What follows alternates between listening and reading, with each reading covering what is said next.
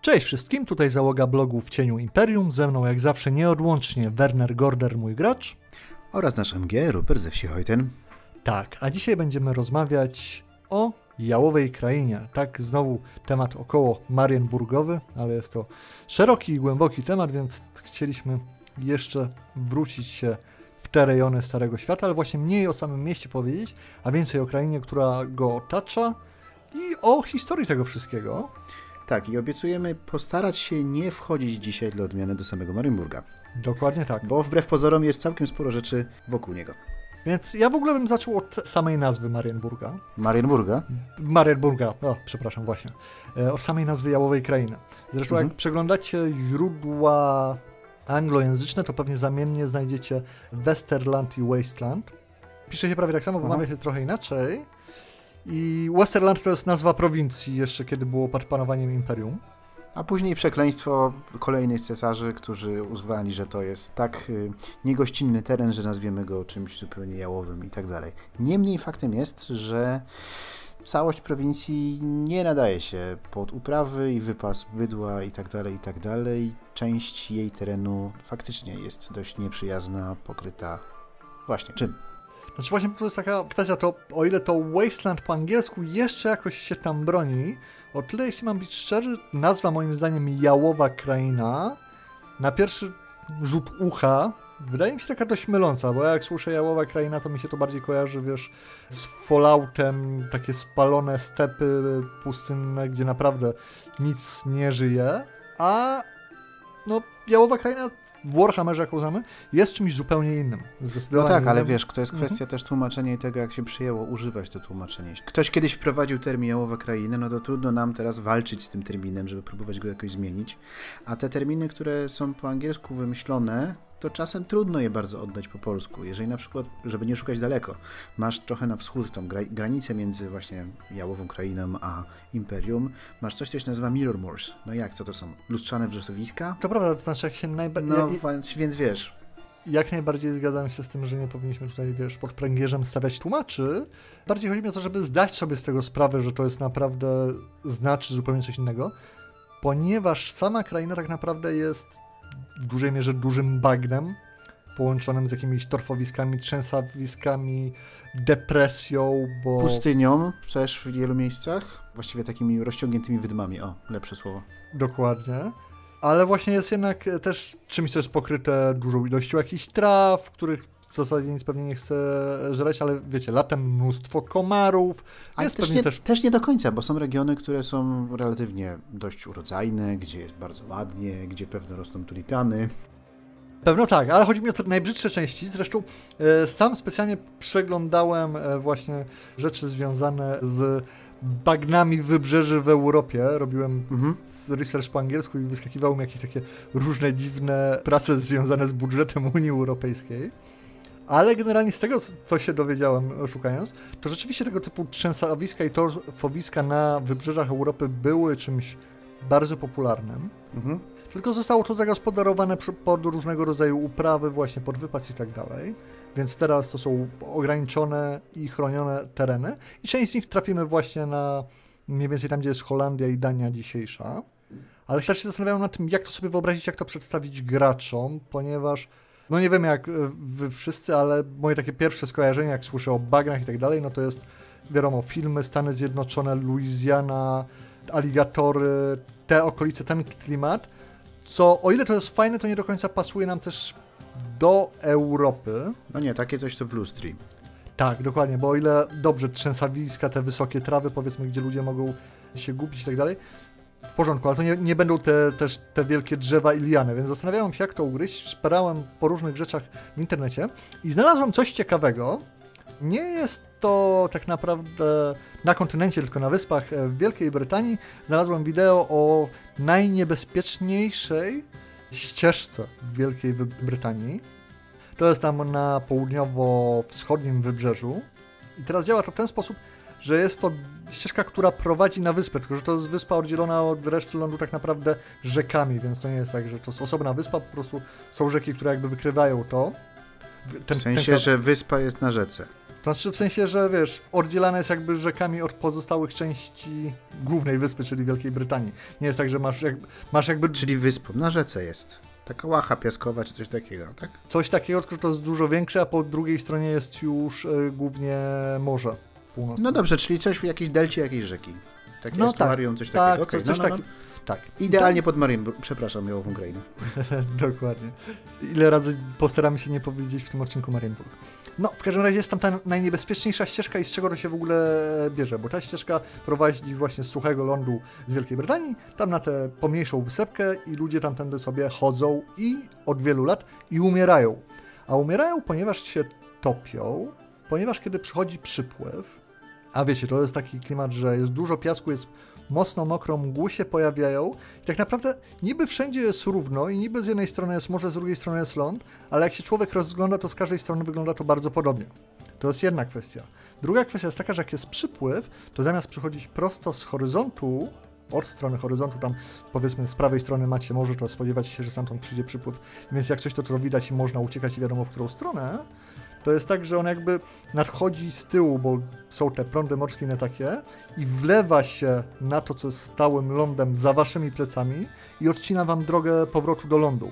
I wtedy dopiero zalewa, więc jakby ludzie potrafili być zalewani z każdej strony i tam umierali. I bardzo często to byli czy to lekarze, którzy właśnie zdążali tam do jakiegoś pacjenta, czy panny na schadzki, czy miejscowi, którzy w pubach na lądzie zasiedzieli się za długo i postanowili przed zmrokiem na koniu wrócić do domu i myśleli, że zdążą. Więc zacząłem myśleć o właśnie tej jałowej krainie. Ja nie mówię, że cała, wszędzie i tak dalej, ale że to może być wielkim niebezpieczeństwem, bo to, co przedstawiamy tutaj na mapach, jak zwykle widzimy jaką taką bardzo szeroki rejk czy deltę, to jest w istocie kolejne morze. I wiecie, wszędzie w tych okolicach nabrzeżnych, to na kilka mil nawet od tego nadbrzeża, rzeczywiście może panować coś, co de facto jest depresją, co jak jest tylko mocniejszy przypływ, w każdej chwili może zostać zalane. I o ile miejscowi, czy, czy to ludzie, czy inne stworzenia wiedzą, które miejsca są w miarę bezpieczne, które miejsca zwykle nie są zalewane, którą drogą można iść, bo ona jest na grobli i ona powinna się utrzymać powyżej poziomu tej wody, która nadejdzie nie wiadomo kiedy. O tyle przypadkowi podróżnicy, poszukiwacze przygód i inne niechciane elementy mogą się naprawdę znaleźć w bardzo ciężkich warunkach, ponieważ nagle na przykład jest metr albo nie daj mananie, przepraszam, nie daj mananie, dwa metry wody tam, gdzie przed chwilą był względnie suchy ląd, prawda? No na przykład, ale wiesz, to jest jedna część krainy, ale tak jak wspominałem wcześniej, też masz bardzo duże takie wydmy, całe tereny pokryte wydmami i taką roślinnością, która tylko i wyłącznie występuje na piaskach. Nie, nie jestem biologiem, więc nie będę wchodził w szczegóły, ale to według opisu to może być w niektórych miejscach nawet cały jeden dzień drogi od samego morza. Więc w ten sposób również jest niegościnna. Ale to nie jest też tak, że jest tylko niegościnna, bo przede wszystkim Masz te tereny, które są już bliżej tam Laurelornu i tam też na południe w kierunku gór masz tak zwany Kleinland. Te właśnie tereny urodzajne, te, które, w których Gdzie się, pasą tak, się owce i rosną tulipany. gdzie pasą się owce, z których mleka wyrabia się specyficzne sery tutejsze, delikatesy, prawda? Ta owca się strzyże, robi się z tego wełnę odpowiednią i tak dalej. Marienburska wełna notabene ceniona w całym starym świecie. Tak, ale kiedyś ten teren w ogóle tak wyglądał. Dawno, dawno temu. Cały był bardzo urodzajny. Ponieważ znowu się wzięliśmy za temat od e, życi strony, bo historia jest tutaj bardzo ważna tak naprawdę właśnie całej jałowej krainy. W lorze stoi, że z podań elfów wiemy właśnie jaka to była piękna, taka wiecie, zielona, niemalże mlekiem i miodem płynąca urodziwa kraina, gdzie kiedy właśnie miasto teraz zwane Marienburgiem lub Marienburgiem bodajże, jak wypomniał nam jeden z naszych subskrybentów, którego pozdrawiamy za to, że kaleczymy niemiecką wymowę. E, to wtedy, kiedy to było elfie miasto, tak przed tym wszystkim, to to była wspaniała właśnie taka zielona kraina. Dobrze też była widziana przez krasnoludy, dla których ona była takim jakby ostatnim miejscem, do którego zdążały ich karawany kupieckie, jeszcze przed czasami wojny o brodę, kiedy obie starsze rasy handlowały ze sobą. I dla nich to też było i wspaniałe miejsce, jak na nizinę oczywiście, i wspaniałe miasto, i bardzo ważne miasto, bo to był właśnie też ten główny hub komunikacyjny między dwoma imperiami wielkimi starszych ras. No nie mogło być inaczej, biorąc pod uwagę to, że transport wodny jest dużo tańszy niż lądowy, czyli z jednej strony morze, z drugiej strony rzeka, no a główne skupiska krasnoludów zawsze są w górach, czyli mniej więcej tam, skąd te rzeki wypływają zwykle, więc to się tak idealnie dopełnia. Dokładnie, zresztą w Lorze mamy chyba troszeczkę za mało wspomnianego o krasnoludzkich barkach, tak swoją drogą. Ale wracając do samej jałowej krainy, no to oczywiście sielanka nie mogła trwać wiecznie, jak to wszystko w Warhammerze. I znamy generalnie kwestia wojen o brodę. Elfy zostawiają stary świat, a przynajmniej większość z nich. Wracają sobie do Utulanu. A jałową krainą zajmują się i zaczynają o nią walczyć dwie bardzo takie specyficzne i stare rasy, bo z jednej strony mamy szczuroludzi, czyli nasze skaweny, które nie istnieją. A z drugiej strony Fimiry. Tak, które również nie istnieją i to czasami nawet oficjalnie według GW, chociaż to się z czwartą edycją na szczęście zmieniło. I muszę przyznać, że w ogóle sam pomysł wojny tych dwóch ras jest super, bo one są bardzo takie specyficzne i już dość obce. W sensie, wiesz, wojna między krasnoludami i elfami, no to wiadomo, elfy to są tak, takie ładne ludzie z łukami i wszystkim ładnym, a krasnoludy to są takie niskie, brodate ludzie, co dużo narzekają, nie? No powiedzmy, można tak to ująć, no. Takie stereotypy, no ale właśnie i Mhm. Fimiry i Skaweny idą jakby dużo, dużo dalej. Rozmawialiśmy w poszczególnych odcinkach, no ale tak w skrócie wiadomo, mamy te skaweny, których jest mnóstwo, które są relatywnie zwykle takie małe, słabe, pomijając te bardziej elitarne mioty de facto. No i z drugiej strony mamy Fimiry, które bardziej przypominają takie potwory, które występują w pojedynku. To są takie ogromne cyklopy, jeszcze do tego z dodatkiem magii, bo mgły i one w takim ogólnym swoim klimacie mocno mają ten nastrój, powiedzmy, Cthulhu, Zewa, tych starszych ras, tych miast skrytych we mgle. Mhm. Przy czym jedna i druga strona jest tutaj w tym wypadku przedstawicielem strony chaosu, prawda? I tej niepozytywnej Znaczy, i, i, tak, i tak i nie, bo najlepsze jest to, że jedni i drudzy z chaosem również się nie znoszą. Zależy z którym, zależy kiedy i zależy jak. Tak, to prawda, ale z takim chaosem rozumianym pod, wiesz, czterema potęgami, no to Mhm. i Fimirom i Skavenom nie po drodze tak naprawdę zazwyczaj. To znaczy tam ewentualnie czasami coś może się ten, ale generalnie nie bardzo im jest po drodze. No i ze sobą oczywiście również nie, nie bardzo, więc ja myślę, że to jest w ogóle fajny setting na, na przykład, gdyby tam próbować grać jakimiś tam prymitywnymi ludźmi jeszcze między tym wszystkim wrzuconym. Ale właśnie historia jest taka, że ta wojna trwała bardzo długo właśnie. Z jednej strony mamy te Fimiry z ich magią, mgłą i oni też mają te swoje pakty z demonami i tak dalej. Z drugiej strony oczywiście skaweny, kopanie tuneli, wszelkiej maści choróbstwa, niechoróbstwa, dziwne wynalazki, ro rogate szczury i tak dalej. Aż pewnego pamiętnego dnia, który nie wiemy kiedy był i co się dokładnie stało, Ale zapewne nie był piękny. ale zapewne nie był piękny, wszystko troszeczkę trafił szlak za sprawą kataklizmu, o którym wiemy w zasadzie tylko tyle, że pewnie był magiczny w naturze. Z której strony ta magia wyszła, czy bardziej fimirskiej, czy skaweńskiej, nie do końca jest powiedziana. A mogło być tak, że trochę z tej, trochę z tej i podobno wyszło. I całość właśnie została obrócona w ten paskudny, smutny, bagnisty świat, który znamy dzisiaj. Część terenu się zapadła, właśnie zapełniła wodą. I to też jest właśnie fajny fragment, który mi się podoba o tym, że niejako to właśnie bagno i tak dalej, to przykrywa to, co było wcześniej, co oznacza, że właśnie pod tymi bagnami mogą być podziemia, ruiny twierdz i zapomnianych miast, ale w dużej mierze, bo mogą to być również elfie miasta, jeszcze starsze ruiny, ale w dużej mierze właśnie to mogą być też ruiny czy to po Firmirach, czy to po Skawenach. Mhm. Nic nie stoi na przeszkodzie, żeby to były jakieś czarne, megalityczne budowle, które swoim pochodzeniem zdradzają, że na pewno nie wyciosała ich ręka człowieka. Dokładnie, więc takiego klimatu jeszcze bardziej Cthulhu jak najbardziej jest mnóstwo. Zresztą to też jest świetna okolica, żeby wprowadzić merfolki, ryboludzi czy zwał, jak zwał, wiecie, Wordnai i tak dalej. Wszystko, co żyje bardziej w wodzie niż na lądzie, ale jest troszeczkę humanoidalne i pewnie wredne i służy jakimś mroczną potęgą. No, natomiast e, jeśli chodzi o jałową krainę, to mam tutaj takie do niej zastrzeżenie. Zresztą w ogóle jak do każdej prowincji imperialnej, przepraszam, wiem, że nie imperialnej teraz, ale do wszystkich tych terenów, które GW opisuje u siebie, bo nie wiem, czy zauważyłeś coś takiego, że GW, i zresztą tak samo jak wielu różnych innych autorów fantazy, mają pewien problem ze skalą. Mhm. Wiesz, jeżeli weźmiemy to w przyszłość jakąś, no to bardzo często możesz poczytać o tym, że dana, w danym imperium były miliony ludzi, czy tam coś takiego, że na, na danej planecie żyją miliony ludzi. No, wszystko fajnie, problem polega na tym, że na naszej planecie żyje 7,6 miliarda ludzi, miliarda i wcale nie jest przeludniona. Więc e, w takich przyszłościowych imperiach akurat to jest paradoks trochę, bo jeśli chodzi o 40, Warhammera 40 tysięcy, to GW tutaj ogarnia skalę. To są miliardy, miliardów ludzi miesz- zamieszkują Imperium. Znaczy to te, też nie do końca, bo GW, mała regresja a propos 40, No. jest dużo narzekań na to, że właśnie jak weźmiesz, jak wielu jest ludzi, i to jest wymieniane w lorze 40 tych zwykłych, to Mhm. tych chapterów Space Marinesów jest tak mało, że w zasadzie oni nic nie znaczą. E, W Tak, porównaniu ale to jest. Ale Ale, ale skala, tego. skala tego, jak bardzo dużo ludzi tamten świat zamieszkuje, jest mniej więcej oddana. Natomiast w Warhammerze zwykłym masz taką tendencję do tego, że jeżeli opisujesz miasto, dajmy na to taki Marienburg, który ma być największym miastem Starego Świata, prawda? Mhm. to ono jest duże i masz opisaną jakąś tam rzuconą wartość, która na ten odpowiednik wieku XVI-XVII byłaby faktycznie duża.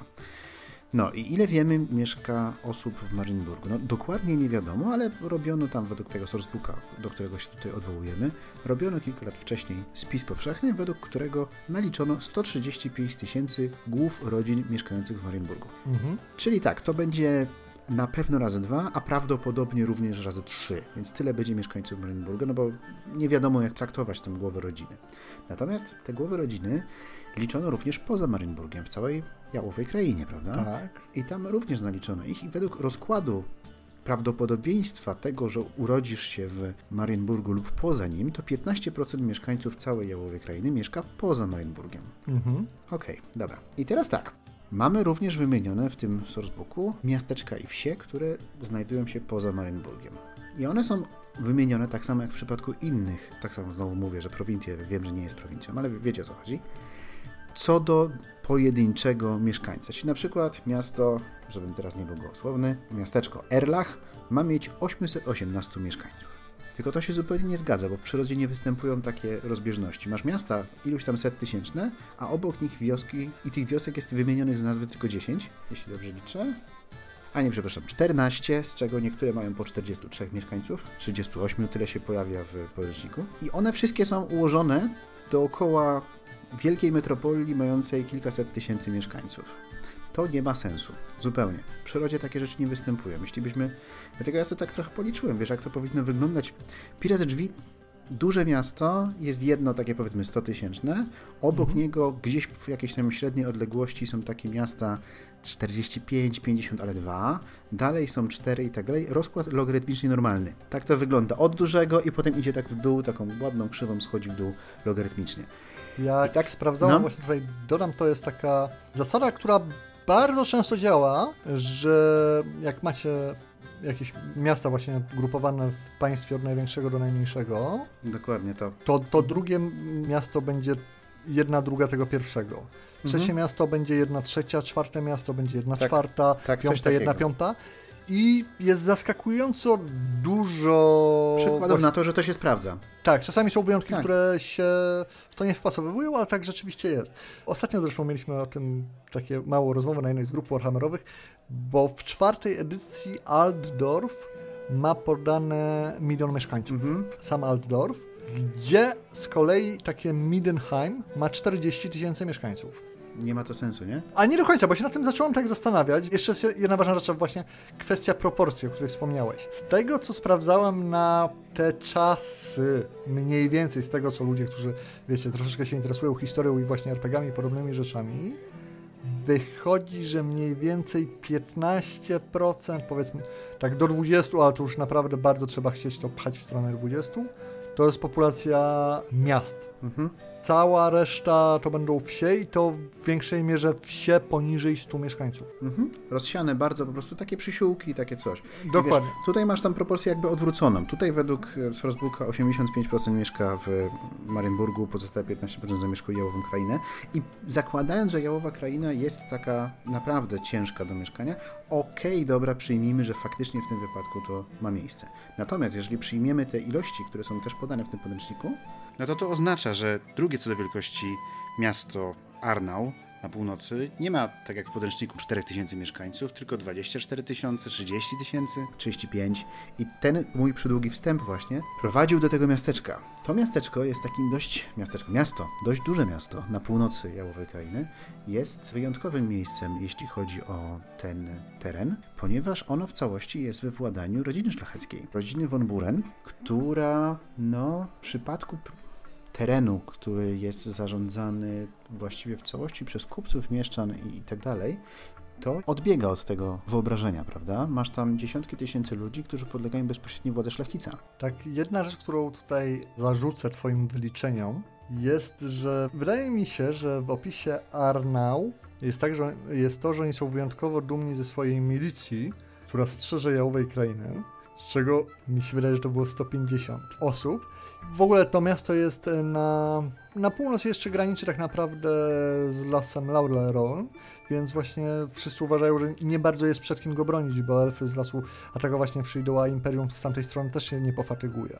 Więc tutaj jest jedna rzecz, której się przyczepię twoich wyliczeń, bo z tego co pamiętam to było 150 osób. Nie chodzi To- o to, ile jest, ile jest No. w tym wojsku, chodzi o to, że wiesz, że jest to duże miasto, które jest szlacheckim miastem. Tak, i to jest na pewno fajne źródło konfliktów, Mhm. tak? Dokładnie, do tego zmierzam. Tam ile tam ich jest w tej milicji, to już naprawdę wszystko jedno. Tak, to prawda. Znaczy, ja bym też tak zamknął ten temat, że wszystkie kwestie związane z populacją, za, e, gęstością zaludnienia i innymi tego typu rzeczami, jeżeli chodzi o realia Warhammera, mają swoje niezłe podstawy, ale wszystko to, co jest na mapach, to jest dużo za mało i trzeba dużo, dużo, dużo dodać od siebie, żeby to miało jakieś pokrycie w tym, co wiemy, jak to powinno działać. No dokładnie, dokładnie. Ale to nie jest o tym odcinek, to jest odcinek o Jałowej Krainie. Więc Tak, wracając- dlatego właśnie zmierzam do tego miasteczka Arnau, które naprawdę Mhm. jest miasta, które jest bardzo ciekawym miejscem na mapie właśnie Jałowej Krainy, bo jest takim ewenementem na jej, tym, jak patrzymy na ten teren, prawda? E, Tak, zresztą tutaj kwestia Marienburga też jest taka, że wspominaliśmy o tym wcześniej, że tam się wiele, powiedzmy, szlaków krzyżuje, ale nie tylko takich właśnie dalekich jak Wysokie Elfy, Int i Kataj, tylko jeżeli spojrzymy na takie bezpośrednie sąsiedztwo Marienburga, to oczywiście właśnie mamy samo miasto, czyli z kupcami, miasto takie wolne, nie pod władzą szlachty, z drugiej strony właśnie mamy miasto, o którym wspominasz, które jest jakby tą starą szkołą, te szlacheckie rodziny, jeszcze pewnie pamiętające i wywodząc e, swój rodowód z Imperium. Zaraz obok właśnie graniczą z lasem leśnych elfów. Z drugiej strony z Bretonią. Od południa oczywiście Imperium. Więc w którą stronę człowiek się w Marienburgu nie obróci, tam jest coś ciekawego. No i potencjalnie niebezpiecznego, tak? Nie trzeba szukać niebezpieczeństwa bardziej niż na północ na przykład. Na Morze Szponów, bo tam A to również... już swoją drogą, tak, jak najbardziej. No, co jeszcze ciekawego możemy znaleźć w samej Jałowej Krainie? Wydaje mi się, że wszystko to, co chcemy tam umieścić jako miejscowe gry, w sensie, właśnie jak już wspominaliśmy, te zapomniane rzeczy. Dla mnie to jest, wiecie, jakby przyszło mi prowadzić poza Marienburgiem, to wydaje mi się, że na to chciałbym kłaść największy nacisk na te bagnas, które skrywają historię różnych dziwnych ras właśnie. Tam się cofamy do Skawenów i do Fimirów, ale również takie rzeczy, które myślę, że można spokojnie czerpać inspiracje z takich rzeczy jak Swamp Thing, właśnie te Louisiana i tak dalej. Trzeba to wszystko troszeczkę przerobić. Zresztą też myślę właśnie, jak sami patrzymy na mapę Jałowej Krainy, to ona jest tak, wiecie, no, ma- mapa jak to mapa jest narysowana, gdzie jest rzeka, gdzie jest morze, ale ja bym w dużej mierze myślał o tym jako o wzniesieniach terenu i depresjach i o tych depresjach, które potrafią być ni stąd, ni zowąd, czy to z powodu przypływów, czy to powodzi niesionych rzekami zalewane, więc jest to dla mnie, moim zdaniem, rejon taki zmienny i niebezpieczny. I może też dzięki temu właśnie to na swój sposób tłumaczy fakt, że Marienburg wciąż tę swoją niepodległość utrzymuje i nie tylko dzięki elfom. To znaczy, wiesz, ja bym akurat dokładnie nad tym samym się zastanawiając, podkreślał rzeczy, które burzą ten obraz Marienburgu jako tego miasta kupieckiego i portowego i tak dalej. W sensie, jeżeli by to się działo poza Marienburgiem samym, tylko w Jałowej Krainie. Czyli tak, to jest świetne miejsce, żeby pokazać te konflikty na linii miasto, a szlachta, która jest poza tym miastem. To jest świetne miejsce do tego, żeby pokazać te konflikty na linii oficjalnej w Marienburgu, przynajmniej kult Sigmara, a ten nieoficjalny kult Sigmara, który jest wspierany z Imperium, ale popierany przez ludzi mieszkających poza samym miastem, prawda? Mamy tych kupców, ale jednak za miastem, w tych wszystkich zatoczkach i tak dalej, są ci piraci, znaczy nie tyle piraci, co ludzie trudzący się z prowadzeniem statków na mielizny, prawda? Że masz na to wszystko powrzucone jak takie porozsypywane punkty, takie osady w miejscach strategicznych utrzymywane bezpośrednio przez e, giełdę w Marienburgu. Na przykład Fort Solis, który jest lokalizacją latarni morskiej i dookoła miasteczko, które znajduje się u stóp tej latarni morskiej i to jest utrzymywane przez giełdę i giełda opłaca tych ludzi, oni tam właściwie są tylko pracownikami, a nie mieszkańcami jako tako. Tak, Przynajmniej ci, którzy tam są, pracują, tak. nie, nie tam ich rodziny, nie? jak takie na północ wysunięte placówki dzisiaj troszeczkę. Tak, albo jak miasteczka, które wyrastają dookoła, powiedzmy, nie wiem, stacji przepompowujących ropę albo coś takiego, gdzieś na dalekiej północy, jak w Alasce czy coś. A propos nastroju, to mi się wydaje, że Jałowa Kraina to może być troszeczkę taka, wiecie, nadmorska Sylwania, ewentualnie Sylwania Północy. Bo pomijając te wszystkie międzyludzkie i tak naprawdę międzyrasowe konflikty, o których właśnie tutaj Werner wspomina, to właśnie mi się wydaje, że zwłaszcza jak już prowadzimy poza tymi głównymi ośrodkami miejskimi, to należałoby nie zapominać o wszystkim tym, co się może czaić we mgle, w błocie czy w tunelach pod nim. Nie? Właśnie wracałbym do tych nieznanych macek, potworów i olbrzymów, które mogą zapewnić towarzystwo naszej dzielnej drużynie podróżującej po tych pięknych, mokrych ziemiach. Zwłaszcza, że te mokradła i bagna są idealnym miejscem, na którym schronienie znaleźć mogą istoty, które nie chcą być znalezione. I to nie mówię tylko tutaj o jakichś fimirach, czy właśnie, nie wiem, skawenach, które wychodzą z podziemnych tych, ale również o wszystkich mutantach, które uciekły z miasta. Lub z miast całego Tak, imperium, bo to Dokładnie. bo ra razem z rzeką spływają no nie tylko z bogactwa, ale również wszelkiego rodzaju niechciane elementy. Dokładnie tak. Myślę, że to ładnie zamyka nasz dzisiejszy odcinek rozmowy o jałowej krainie. Jak się okazuje, jałowy nie był. Jałowy nie był, miejmy nadzieję taką. Od razu śpieszymy z wyjaśnieniami, że tak, wiemy, że w naszej ankiecie jeszcze nie, nie na takie rzeczy głosowaliście i tak te tematy grzecznie czekają w kolejce, na pewno się nimi zajmiemy już niebawem. Tymczasem poprosimy Was jak zawsze o wrzucanie kolejnych propozycji tematów na odcinek oraz wła- własnych sugestii, jak Wy widzicie Jałową Ukrainę, jak Wy tam prowadzicie swoje sesje, podzielcie się z nami i z innymi słuchaczami. No i pamiętajcie o tym, że każda łapka w górę to jest kolejny głos za tym, żeby przyłączyć Marienburg z powrotem do Imperium. Wielki teogonista niczym innym nie marzy. Dokładnie, zatem chwała Sigmarowi. I chwała Imperium. Znowu zapomniałem powiedzieć o górkach morskich.